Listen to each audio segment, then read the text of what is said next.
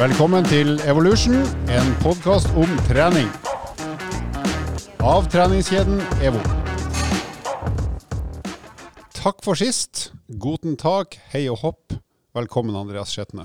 Takk.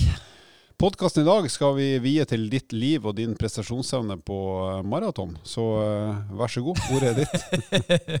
en hel episode. Tror, Dette er ditt liv. Jeg tror kanskje ikke det blir den helt store underholdninga for, uh, for, de som hører på, men uh, Vi har satt en ramme på 11 minutter. 11 minutter. Hele livet mitt på 11 minutter. Det, jeg tror det blir litt lang tid. Faktisk. Det blir for lenge, det òg.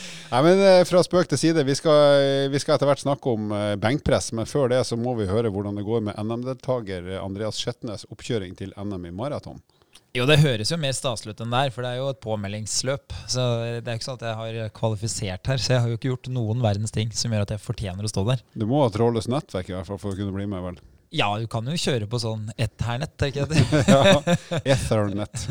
så jeg kunne gjort det med ledning. Jeg, jeg veit ikke om det er mulig å ringe inn lenger. Hei, Nei, Det er mulig du kan stille opp på Bislett stadion og melde deg på med sånn, eh, noen hundrelapper i påmeldingsgift. Kanskje. Jeg har jo litt sånn stor spredning i kompisfeltet, og da var det en som en gang sa Men kan du ikke bare stille opp og løpe?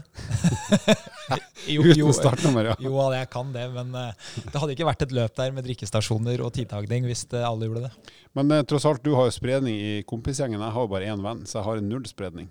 Ja, det er sant. Så du må på en måte du, du må akseptere de tilbakemeldingene som kommer. Jeg får ei tilbakemelding. Du kan ikke tenke at alle de andre sa noe fornuftig.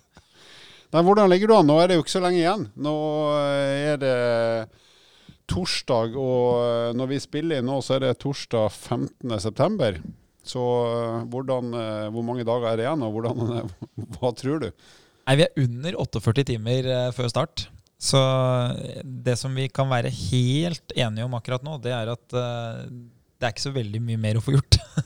Det jeg kan si da, som er, det høres teit ut, men du ser både trøtt og sulten ut, og det pleier å være et godt tegn for en som skal løpe maraton ganske fort. Ja, det er jo litt rart å si det, men du ser jo ikke veldig frisk ut før start. Man ser ofte litt sliten ut, litt sånn eh, tynn og dratt i ansiktet. Men det er jo i, i kondisjonsidrett ofte et tegn på at eh, man har tyna strikken ganske maks.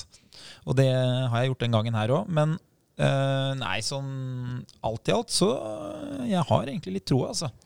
Det som er litt spesielt her, da, det er jo at uh, det blir første gang siden 2017 at jeg skal løpe på plassering og ikke på tid. Og Vi har jo snakka litt om det i en tidligere episode, at uh, under Oslo Maraton så er det da litt for mange høydemeter. Så det vil ikke være hensiktsmessig å møte opp og løpe for best mulig tid. For da kunne du liksom løpt et annet sted hvor det er flatere, hvor det er flere løpere som trolig kommer til å løpe i samme fart. Eh, men derimot så er det jo sånn at i NM så er det jo plasseringslista til slutt som betyr noe. Og det skaper et litt annet utgangspunkt, for det betyr at da bryr du deg mer om de du løper ved siden av, enn hva klokka viser. Men så har jeg jo selvfølgelig et, et klokkemål i tillegg, fordi eh, jeg er jo ikke så god at jeg får lov å løpe med de fremste. Så det er jo ikke sånn at jeg, jeg løper jo ikke ved siden av den andre som leder og tenker at ja, ja, bare jeg vinner spurten her, så, så vant jeg. Nei, For du har en viss idé om hva du skal ende på, og hva du må ha av snittfart underveis for at det skal gå så godt som mulig? Ja, eh, og da er det sånn at eh, når du løper, eh, så er det alltid sånn at jevn fart gir best mulig sluttid. Det er veldig fristende å tenke at ja, sparer man seg i starten, så, så, kan man jo ta igjen på slutten. Eller løper man fort fra start, så kan man jo ha litt å gå på. Men når det gjelder liksom intensitet, så er det sånn at jevn intensitet er det som gjør deg best. Det, da vil du ha best mulig sluttid. Så det betyr at uh, når jeg da skal løpe et løp hvor det ikke er flatt, så må jeg kompensere for det. Så jeg må ned i fart når det går oppover, og så må jeg prøve å øke farta nedover. Og da får du inn helt andre ting i registeret. Du må da ha kontroll på intensitet, så du må vite hvor, hvor fort det er fort oppover.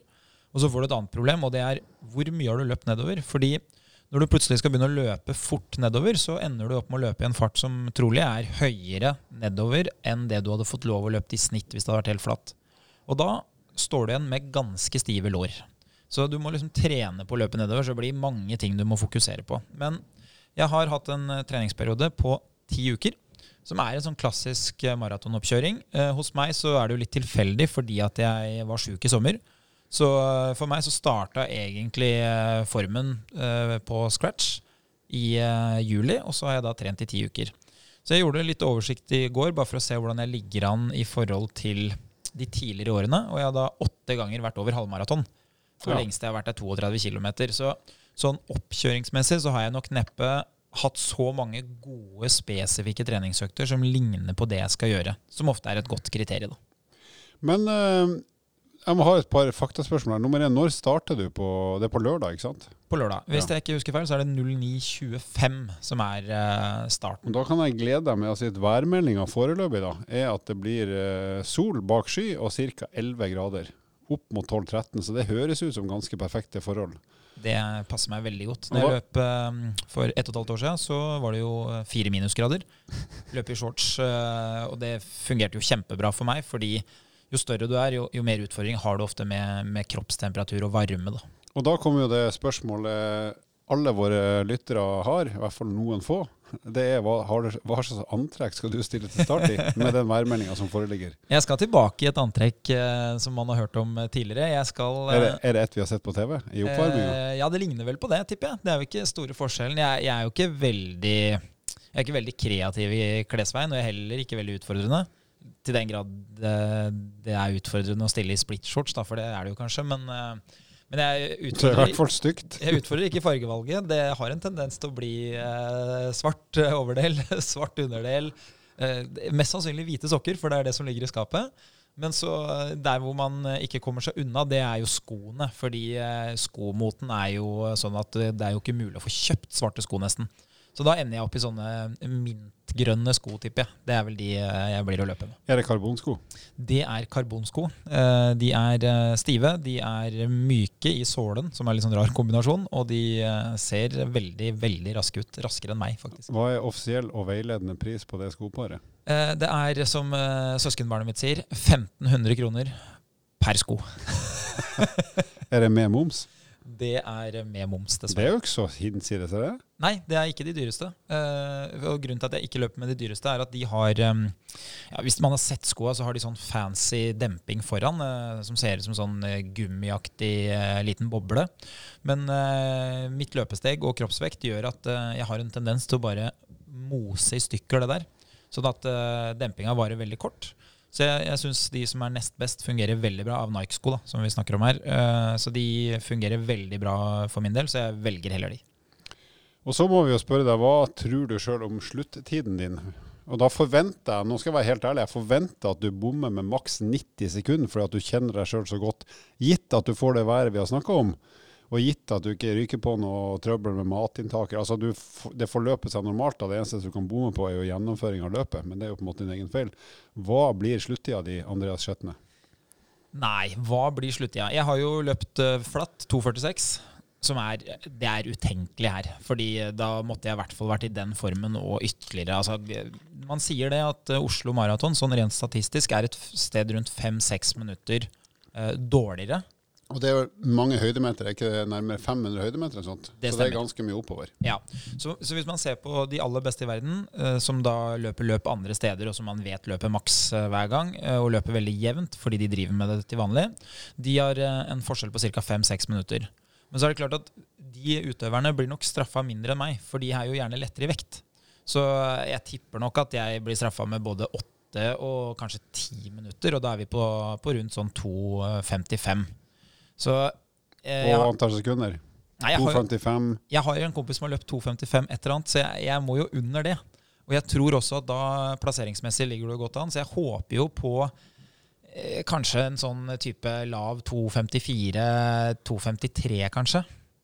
Ja, du er nede på 2,53 nå, ikke 55? Nei, eh, ja det, Ja, du, det, det, du forsegler din skjebne her nå. Du kan ikke komme med noen sånn eh, helgardering. Nei, det som er problemet her Du skal ha er en benker, banker, Andreas. En banker. ja, det som er, Da vil jeg begrunne hvorfor jeg sier 2,54, da. Ok. Og det er fordi at uh, i, em, i en sånn start som det her, så har arrangøren en fartsholder. Altså en person som løper på f.eks. 3.30, 3.15, 3 blank. 3 blank er den, er den raskeste fartsholderen. Og da er det sånn at uh, hvis du har lyst til å løpe med mange andre folk som er veldig billig, du kan løpe i et felt, Mm. så må jeg på 3 blank. Og det jeg har tenkt å gjøre, er kanskje da å starte med 3 blank og være med der i 10-11-12 km for å få en veldig eh, rolig start. Men da gir jeg jo også bort tid. Eh, så Derfor så vil det jo matematisk bli veldig vanskelig å løpe noe særlig under 2,55 da, hvis du har brukt opp en fjerdedel. Så jeg håper jo på at det er noen andre som er gira på å løpe bitte litt fortere, men uh, ikke for fort. Så nei, si 2.54, da. Og sekundene Jeg har, Blank. jeg har en evig tendens til å bomme på sekundene, så 2.54,03, da. 0-3. Da skal du få mitt tips, og jeg tror jeg faktisk har rett. Jeg tror du kommer til å løpe på 2 timer, 53 minutter og 22 sekunder. Det verste med det her er at jeg må jo til mål, jeg nå.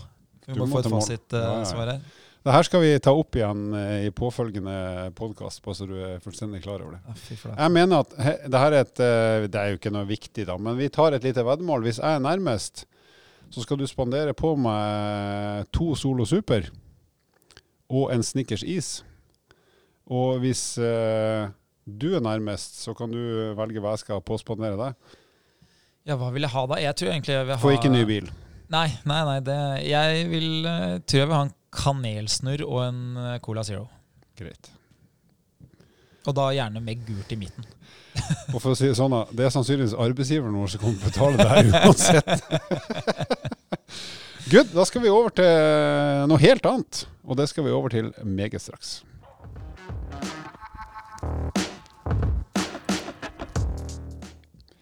Yes, eh, Vi skal snakke om eh, benkpress, som er så langt unna maraton som det nesten er mulig. Eh, så tenker vi hvordan kan to veike karer som oss snakke om benkpress. og Det har seg sånn at vi har i hvert fall i tidligere tider holdt på en del med den øvelsen sjøl. Og så er det jo en øvelse som er en klassiker både innenfor styrkeløft som en idrett, men også på treningssenter. Så det er vel knapt et treningssenter i verden som ikke har en benkpress eller to eller tre. Nei, og så er det vel knapt uh, en eneste gutt 15 som ikke har eh, målt krefter i uh, benkpress. Og nå etter hvert stadig flere jenter òg, ser jeg, på treningssenteret som uh, trykker til i, i benken. Ja, men jeg vil bare ha det på det rene sånn uh, for min egen del. De har kortere arbeidsvei, mange av de. Ja, det er juks. Eller en fordel, som man vil si. Vi kan jo begynne med våre gjeldende personlige rekorder, selv om de er satt for noen av oss for lenge siden. Hva er din pers i benk, Andreas? Du, hvis det, hvis det fins eh, en bro mellom maraton og benkpress, så er jo det faktisk eh, meg. Så eh, i mitt tidligere liv så drev jeg med noe som het eh, julebenk. Jeg, eh, en, eh, jeg hadde en god kompis, en god kompis av meg. Han hadde da benkpress. For du har flere venner, som Ja, du sa i stad. Flere venner. Ja. Så det her er ikke da den vi snakka om i stad. Han hadde julebenk hvert eneste år. En familietradisjon. Og det betyr da at eh, man møtes eh, i garasjen på julaften, spiser grøt, løfter maksløft. Ikke sant? Så det er ikke noe treningsøkt. Det, er, det her er akkurat som eh, maraton. Det er eh, resultatet som betyr noe. Og i en periode her så prega det faktisk julefeiringa ganske, ganske mye. Fordi eh, det er litt sånn som med, maraton, at du på en måte har trent mye på forhånd. Du har en forventning om hva du skal få til. Du har toppa formen, du har hvilt litt i forveien. Altså Du har gjort alt for at det skal sitte. Og så har du på en måte snevra deg ned til at du har valgt Enten da i maraton utgangsfart, eller da i benkpress den vekta som du tror du kommer til å løfte. Og Grunnen til at du må velge det på forhånd, det er fordi at du kan ikke løfte deg oppover for å se, for da vil du jo slite deg ut mens du venter på å se hvor mye du klarer å løfte. Ja, Så du må sette i vekt du tror du har sjanse på å bygge opp oppvarminga opp, ut fra at det skal gå an. Ja, og Grunnen til at det funker, er jo at for de fleste som har løfta en del benkpress, så begynner man å kunne snevre sannsynligheten ned til ganske lite, så man treffer som regel akkurat. Det er ikke sånn at du har pluss-minus 100 kilo feil når du antar hva du løfter i maks. Da skal du være veldig god, Nei, men jeg har hatt kunder som før de har løfta benkpress noen gang, har pluss-minus 100 avvik. Eh, men det er en helt annen sak. Nei da. Så jeg har gjort det veldig enkelt for meg sjøl. Jeg har løfta 150 kilo beint. Som er lett å huske. Eh, og så, i frykt for å skryte av meg sjøl, det, det er veldig bra Ja, det er sterkt. til å være en sånn tynn, uh, tynn maratonløper som jeg er nå. Jeg har jo pers på 120 kilo, og da var jeg jo eh, over 100 kilo sjøl, så det er egentlig veldig dårlig. For jeg trente benk i årevis oppe på idrettshøyskolen. Jeg hadde pluss-minus ingen framgang i årevis på idrettshøyskolen. Men det var veldig gøy, da. Så det var jo primært det at det var hyggelig å prate piss og spise banan og litt proteinpulver og, og løfte benk i halvannen times tid annenhver dag. Jeg vil bare minne om, eh, om på en måte motto eller uh, utsagnet til, eh, til faren til han som eh, jeg var hos på julebenk, uh, Pella Refsnes. Og det er jo da at uh, benkpress det er ikke en øvelse, det er en livsstil. Legenden Pella Refsnes. Det var en utrolig flink og morsom fyr. Han gikk jo bort dessverre for mange år siden. Eh, nå har vi sagt litt om eh, våre personlige rekorder, som er henholdsvis imponerende og ikke i det hele tatt. Men eh, la oss se litt på noen sånne rekorder i Norge og verden, bare for at man får en idé om hvor er liksom nivået på, for de som virkelig kan det. da. Eh, og da har jeg funnet fram eh, norske rekorder som er liksom maksløft i, um, for damer og menn i ulike vektkategorier. Så har jeg satt opp og funnet fram rekorder, mesterskapsrekorder fra verdensmesterskap. Så noen av de jeg oppgir som verdensrekord, kan være uh, slått i, i, stevner utenfor VM. Hvis vi tar damer først, da. Hvis du sier kvinner 63-kilosklassen, dvs. Si da må du veie under 63 kg, så de fleste der veier 62,99 når de stiller opp så har vi som norsk rekord er 112,5 kg. Mens verdensrekorden, eller rekord satt i verdensmesterskapet, er 142,5 kg i benkpress. Det er så tungt, det. Jeg skjønner ikke at det er mulig. Eh, til de av dere nå som sitter og tenker benkpress, hvordan øvelse var egentlig det? Så er det den øvelsen når du ligger på ryggen på en benk, og så løfter du eh, stanga ned til brystet og opp igjen. Og som regel på alle treningssentre så finnes det da et eget apparat som du sa i sted, Halvor, som heter benkpress. Fordi at da har du på en måte stativet som gjør det veldig lett å, å gjøre øvelsen. Man kunne jo gjort det med én eh, vekt i hver arm, altså type sånn en, en manual. manual. i hver arm. Eh, og det kaller man jo gjerne da brystpress med manual. Eh, og grunnen til at ikke det er aktuelt å drive dette her med manualer, det er jo at man mister veldig mye kraft på at det ikke er en stang. Altså Armene vil jo da være løse fra hverandre, så det, det vil aldri være mulig å løfte like mye med manualer som med stang. Riktig. Og så skal jeg ta én rekord til for damer. Da er det i pluss 84-kilosklassen. Dvs. Si at da er alle som deltar der, de er da mer enn 84 kilo. Det kan være 120 kilo eller 85 eller hva som helst. Men det er den, det er den tyngste vektklassen for damer. Der er norsk rekord 132,5 kilo i benk. Eh, og verdens, eller rekorden, mesterskapsrekorden fra VM er 164,5 kilo. Så det er jo eh, Veldig imponerende, syns jeg. Eh, og så kan vi se at Andreas er jo ikke så langt unna, tross alt. Nei, jeg kunne jo deltatt i Du er jo mann, da. ja, ja, for vi, vi har jo foreløpig ikke gått løs på mannerekordene. Der, der, har jeg faktisk ingenting å stille opp med. Men Nei, ja. en ting som jeg bare beit meg merke i her, er det er en mye lavere differanse mellom de som er under 63 kg, og de som er over 84, enn jeg trodde. Fordi i veldig mange andre styrkeløftsøvelser, f.eks. de olympiske styrkeløftøvelsene, når du har en stang som du må løfte over huet på en eller annen måte, så er det jo ofte veldig stor forskjell mellom de minste og de største. Mens her er det jo faktisk ganske liten forskjell. Det er jo ikke mer enn 20 kg. Hvis jeg skal tippe uten at jeg vet, så tror jeg det har noe med at ideell kroppsstørrelse i noen av de øvelsene er ikke nødvendigvis å være kjempesvær.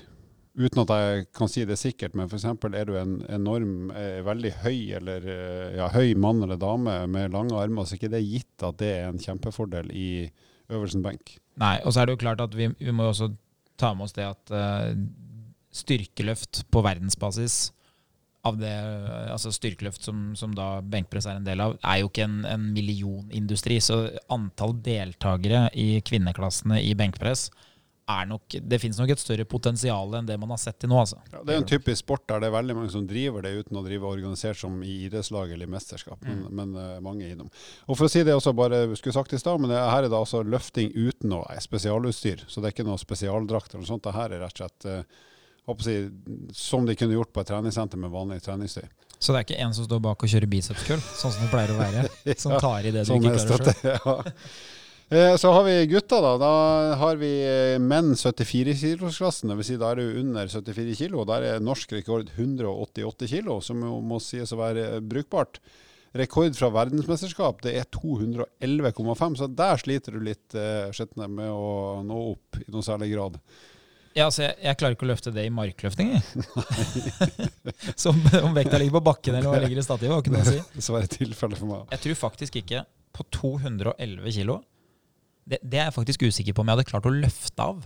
Ja, det, Jeg hadde ikke hatt sjans. Jeg hadde ikke turt å holdt den et hundredel engang. For nei, nei. bare brøstet mitt hadde bare raknet. nei, den ser jeg, men, men, sånn rent praktisk altså Første del av et, et benkpress er jo du må få stanga ut av stativet. Men det tror jeg ikke jeg hadde klart. Ja, jeg vet det. Jeg, hadde blitt delt i to. Jeg hadde litt samme skjebne som dronning Elisabeth. Jeg hadde dødd av å holdt 211,5 kilo på Jeg, stanga. jeg tenkte mest på sånn på sirkus, at du hadde, du hadde blitt delt i to, bare at de ikke hadde satt deg sammen igjen etterpå. Hadde da blitt en eh, litt sånn eh, kort torso og uh, underlivet resten. Så har vi eh, tyngste klassen for gutta, det er da pluss 120, 120 kilos-klassen. Der er norsk rekord 252,5 kilo, som er akseptabelt. Og verdensrekord, rekord satt i VM, er da på 291,5 kilo. Det er jo en motorsykkel. Så jeg, jeg husker jo eh, at det liksom å løfte 100 kilo første gang var eh, stilig, for det er tresifra, ikke sant. Eh, Og firesifra er det jo ingen som kan, heldigvis. Men, og det er jo godt gjort for så vidt for mange, det. Men, men det er liksom etter at man forstår hvor hinsides sterke de som er sterke, er på norsk og internasjonalt nivå. Selv om vi har mange som er sterke både på EVO og SATS og andre treningssenter, så er liksom nivået for de som driver sporten, er helt ubegripelig. En digresjon her, da, bare for å forstå eh, hva som kreves. Så, eh, hvis ikke jeg husker feil, så lenge var jo målet til Andreas Torkelsen å løfte 200 kg i benkpress, noe som han klarte. Så da kan man jo eh, se at ok, skal man kaste spyd og godt over 90 meter, da, som han gjorde, så, så er man jo ganske god i en annen øvelse også. Men fremdeles så er det ganske langt igjen da, til, til de aller beste. Men nå er nok han mer en deltaker i 93-kilosklassen enn i 120, da, det skal sies. Eller hvis du skal kaste spyd like langt som meg, nemlig 34 meter, så holder det med en pers på 120. Som var min spydrekord fra idrettsskolen. Eh, nå, nå har jo du og jeg eh, gått samme eh, utdanningsløpet, og det var en av de mer skuffende tingene jeg opplevde på idrettshøyskolen. Det var at eh, det var ikke samsvar mellom hvordan jeg hadde sett for meg at det skulle være å kaste spyd, og hva jeg faktisk gjorde. Det er overraskende vanskelig, altså. Det spydet det sklei mer på grusen enn det var i lufta, og det hadde ikke den evnen til å bli stående sånn som på TV-en. Det eneste aktiviteten jeg overraska meg sjøl med på idrettshøyskolen uansett, det var faktisk diskos. Alt annet skuffa jeg meg sjøl. I forhold til hvor mye vanskeligere det var enn jeg hadde sett for meg på TV. Ja, jeg sleit med å treffe åpningen på diskos. Altså, Det var jo lett å kaste rett i, I buret. Ja, det var jo store utfordringer. Det var jo ikke å få kasta, det var jo å få, få litt avstand til, til banen. Men eh, OK, nå har vi gått gjennom masse rekorder som er hinsides. Men hvordan, eh, hvordan skal vi komme oss videre for de som hører på nå, i forhold til å trene benkpress for å bli bedre? Vi bare si en ting før vi går videre. Mette Bergman. Flest NM-gull eh, gjennom tidene i Norge, er det ikke det? Det kan godt hende. Hun jeg tror hun vant i over 20 år. jeg. Tror det. Hun kasta langt. Hun var jo, tok jo kule og alt mulig rart òg. Hun var sikkert god i benk. Han sier, han Nesbø, i den rumba med Gunn? Hun var Kretsmester i alt som er tungt og kan kastes langt. Stemmer, stemmer. Yes, Andreas. Hvordan kan man bli bedre i benkpress, da? Det som er med benkpress, det er at benkpress er en øvelse som går rent på brystmuskler. De går på baksiden av armene, altså tricepsen, og så må du bruke fremre delta, altså da forsida av skuldra di, som ofte er da det mest utsatte punktet eh, på kroppen når du gjør den øvelsen. Og så er det jo sånn at man er jo overdreven sterk i brystmuskelen i forhold til hva man egentlig trenger brystet til. Eh, Og så kan man jo stille spørsmålet hvorfor det. Trolig fordi mennesket har gått på alle fire. Så eh, armene var bein på et tidspunkt. Eh, og da er jo spørsmålet hvordan skal man gjøre det sterkere? Jo, man må gjøre øvelser som ligner eller samme. Man må løfte benkpress, eller man må gjøre brystpress, som vi snakka om i stad. Og så vil det være sånn at i en lang, lang periode så vil du bli bedre av å gjøre det. Men på et eller annet tidspunkt så vil det bli sånn at selv benkpress er en sammensatt øvelse som vil skape eh, lokale begrensninger. Si at du er sterk nok i brystet, men ikke i eh, armmusklene.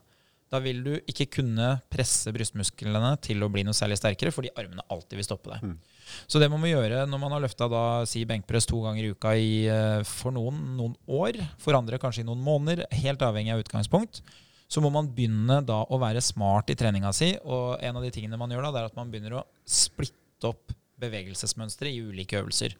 Og et praktisk eksempel da, det er at da kjører man f.eks. benkpress, og så kjører man flies, som er en øvelse hvor du da eh, trekker armene sammen og bruker brystet, men du bruker ikke baksida arma, du bruker forsida i arma. Så rett og slett strekt ut armene dine, så albuen din er rett istedenfor å være bøyd. Ja, og så er det bicepsen som skal holde igjen, og ikke tricepsen. Og så kan du da legge til en annen øvelse. Uh, F.eks. Uh, en type øvelse hvor du bruker tricepsen som tricepspress. Eller du kan kjøpe en eller annen form for dips. Selv om det tar brystet litt, så vil det Mm. være mye mye snillere for brystet enn benkpressen og brystpressen er. Og da får du jo trent bakside av armene og du får trent da uh, brystet ditt. Som gjør at du, når du setter det sammen, kan løfte enda mer. Ja, så Da snakker vi om at det er en sammensatt øvelse, men da for å trene de ulike muskelgruppene og leddene da, for å bli sterkere uavhengig av de andre, så isolerer vi da muskelgrupper og ledd også, ikke bare trene den der komplekse bevegelsen som er å få stanga ned på brystet og presse opp igjen. Jeg vil si eh, at det første du kanskje skal gjøre før du begynner å bli såpass avansert, det er å finne ut av sånn cirka hvor bredt du bør holde altså grepsbredden på stanga. Er du en som vil holde langt ute på stanga, eller vil du holde smalere? Det tror jeg, nå tar jeg det litt på, basert på erfaring, at det tror jeg du kan finne ut før du blir veldig sterk. For det sier ofte litt om hvordan du er laga biomekanisk, altså lengde på overarm, underarm også ved utspring og feste på brystmuskler. sånn at det, det, Den grepsbredden du finner ut av at du er, løfter mest kilo i, selv som nybegynner, er sannsynligvis den smarteste grepsbredden å holde på gjennom si, en lengre karriere i benkpress. Ja, og da er det sånn at uh, vanligvis, Jo bredere du holder, jo mer må brystet jobbe. For det blir stor vinkel i skulderleddet. Jo smalere du holder, jo mer må triceps, altså baksida av arma, jobbe. fordi da blir det en større vinkel i albueleddet. Og uh, som du sier, trolig så vil det være sånn at uh, om du ikke har løfta eller om du har løfta, så, så, vil du der hvor du er best, vil også mest sannsynlig være det uh, fremover. og en av de tingene som er viktig da, hvis du skal bli bedre, det er at når du først har funnet ut bredden, så er det veldig smart å bevare den bredden. Så f.eks. da å vite hvor har jeg fingrene mine på stanga i forhold til den ringen som gjerne er markert på stanga. Og så må du gjøre det samme hver gang. For det er jo da du vet om du blir sterk eller ikke. Så en av de tingene som er en sånn fallgruve mange går i, det er jo at de da en dag kanskje holdt eh, fin bredde, og så neste gang så tenker de ikke over det. Da holder de mye smalere. Og så plutselig så løfta de mindre. Og så er det egentlig fordi at de har endra teknikken som gjør at de løfter mindre, og ikke at de egentlig har blitt svakere. Ja, så da får du egentlig brukt muskelkrafta di litt mindre ideelt, da, hvis du av en eller annen grunn holder en annen grepsbredde enn det du kaller burde ha gjort. da. Ja, og så er det jo en klassisk ting som gjelder i, i um, benkpress, som gjelder i alle styrkeøvelser, og det er at eh, det er mulig å utnytte muskulaturen sin best mulig. Altså du har en muskelmasse, eh, du har en kraft som du fortjener basert på hva du gjør, og så trener du veldig spesifikt på å utnytte den muskelkraften. Eh, og det kan du gjøre ved å løfte tunge løft som ligner på det maksløftet du skal gjøre, hvis du har tenkt til det. Men hvis du har tenkt å bli sterkere, sånn at du kan få et enda bedre potensial og enda bedre maksløft i fremtida, så holder det ikke bare å løfte tungt. Du kan ikke møte opp og løfte tre ganger maks og gå hjem. Fordi det vil da by på så lite volum og så lite belastning at kroppen trenger egentlig ikke å gjøre noe særlig endring fremover i tid. Du gjentar egentlig bare samme maksstyrke med såpass lite volum. Ja, så Du vil jo i starten bli bedre fordi du teknisk blir bedre, men så får du ikke noe mer muskler, så du, du vil stoppe ganske kjapt. Så det man må gjøre da, det er at da må man bygge i bredden, så man kan se for seg en pyramide. Og da må man jo begynne å trene eh, en type trening eller en type treningsform eller metode som gjør at du får mer muskler. Og da velger man ofte sånn eh, muskelveksttrening eller hypertrofi, eh, som gjerne kan være sånn type åtte til tolv repetisjoner, tre-fire serier. Og da vil det jo selvfølgelig være mye mindre vekt på stanga enn hva du kunne gjort på ett løft. Men til gjengjeld, mer muskler gjør at du kan løfte mer i fremtida. Ja. Så hvis du skal liksom, ok, når, når, er det liksom, når man begynner å gjøre, tenke sånn, da kan du egentlig tenke at så lenge du hele tida har framgang over å løfte bitte lite grann, som du kanskje allerede har gjort, eller begynner med nå, så kan du tenke at når den fremgangen plutselig uteblir, selv om du egentlig gjør det samme som du har gjort i mange uker med fremgang, da, da er det på tide å legge inn mer volum, altså rett og slett mer spesifikk trening for de eh, musklene du bruker eh, for å få ytterligere fremgang. Og for de aller fleste, hvis du er helt rookie, så kan det være et sted mellom 8 til 16 uker, og så må du begynne å være litt mer systematisk. Så kan man jo øve litt på forskjellige ting som gjør at du får bedre kontroll. Det ene nevnte vi i stad, det å bruke type manualer. Det vil jo gjøre at du får litt bedre stabilitet i skuldrene. Så jeg anbefaler alle å kjøre noe med manualer, enten da at du begynner med det. Så at uh, hvis du ikke har kjørt noe benkpress, begynn da med å gjøre brystpress liggende på en benk. Det ligner, men da har du én eh, manual i hver arm, som gjør at du må jobbe veldig med skuldra. Og da får du også veldig god kontroll på når du skal ta i når du er helt nede mot brystet. Som ofte kan være litt sånn vanskelig med stanga, for den treffer jo brystet, så der får du jo litt hjelp. Uh, og for de som kjører benk allerede, så kunne man sagt at uh, øvelse to det er jo da med manualer, men med litt skrå rygg for å skape variasjon. Og det man øver på da, er jo å treffe bedre i det som kalles for bunnposisjon. Altså man blir bedre til å skape kraft i vendinga. Mens en annen ting du kan gjøre, hvis du har lyst på enda et uh, tips til variasjon, det er jo at man kan jobbe litt med at man senker stanga til brystet. Og så tar man seg ett sekund pause på brystet, og så dytter man opp. Og da, vil, da, vil si, altså, da ligger stanga helt stille. Ja. ikke noe sprett i brystkassa, ingenting. Nei, det kalles jo for et dødløft. Det gjør man jo også egentlig i, i markløft, f.eks. At man setter fra seg stanga mellom hvert løft. Og det som skjer da, det er at da blir du veldig god til å skape mye kraft i den tyngste fasen. Og det kan jo være veldig bra både for kraftutvikling, men også egentlig for teknikken. Så det å gjøre litt sånne type dørløft på brystet, det, det, gjør ofte at man blir mye bedre til å få litt kraft i den tyngste fasen. Bra. Eh, så prinsippene her er rett og slett at eh, finn ut hva slags grepsbredde som passer din kropp best. Det er liksom pri én. Jeg trenger ikke å trene så mye i starten, men når du kjenner at nå kommer jeg ikke noe videre, jeg setter ikke nye rekorder med det jeg har gjort, da må du trene mer. Og Da er det sikkert også på tide å begynne å tenke ok, hvis benkpress er så gøy som vi tidvis syns det har vært, så må du finne ut av hvordan kan jeg trene ikke bare den ene øvelsen som er benkpress, men hva slags andre øvelser kan jeg gjøre for å trene leddene litt isolert, og de musklene som skaper kraft isolert, sånn at du på en måte utvikler øvelsesrepertoaret og dermed også volumet ditt litt.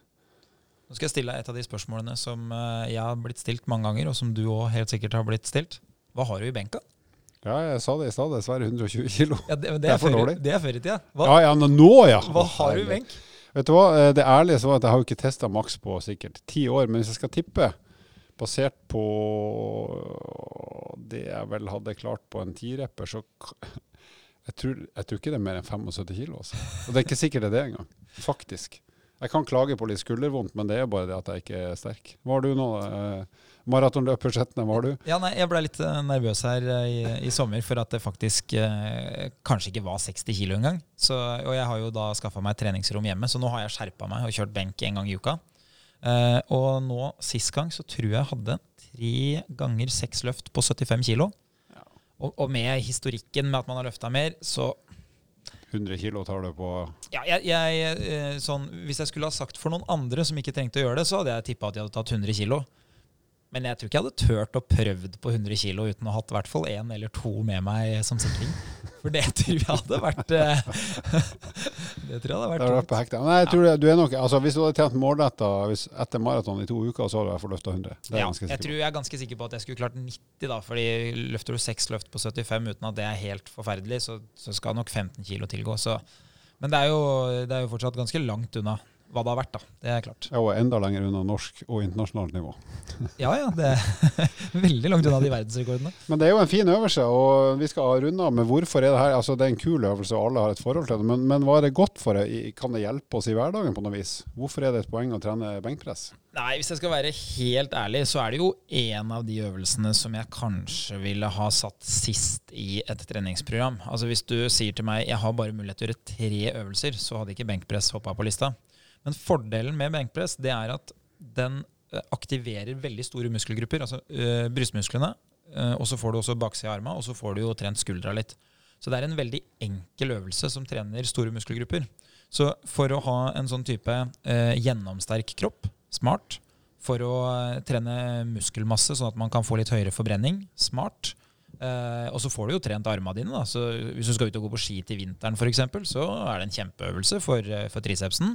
Fordi den er ikke så vanskelig som veldig mange andre øvelser er for, eh, for tricepsen. Og I forhold til skulderhelse, så er jo det med å rett og slett gjøre alle mulige bevegelser i, i skuldra med belastning, så er den jo også en bidragsyter der. Selv om du selvfølgelig også må trene andre bevegelser enn bare det å presse opp.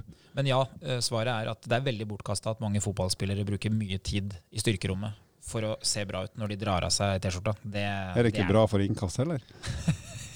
ja, kanskje det. Eller hvis du keeper, da, så kan, vil jo brystet være litt uh, med når du skal kaste langt. Faktisk. Ja, eller når folk skyter 100 km i timen, så er det jo en fordel å ha armer som tåler det. Det, det skjønner jeg. Så, men ja, innkast, kanskje? Ja, nei, det er jo mer en sånn type fransk press, pullover. Ja. Eh. Og skal du dytte bil, mokke snø osv., eh, skyve ungene dine ut av huset, slike ting, så vil det jo være til en viss grad nyttig. Veldig morsomt at du nevner det som jeg sier til mine kunder, at ja, ja. Dette her blir jo kjempebra, for du har jo en tendens til å dytte alle ut av grøfta når de setter seg fast. Og da ler de, da, for det er jo noe man aldri gjør. Det gjør du sjelden. Da, da, ringer vi en veibil istedenfor.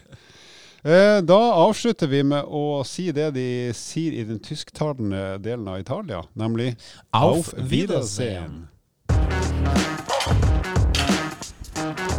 Vil du vite mer om trening, abonner på podkasten og sjekk ut vårt treningsmagasin på evo.no.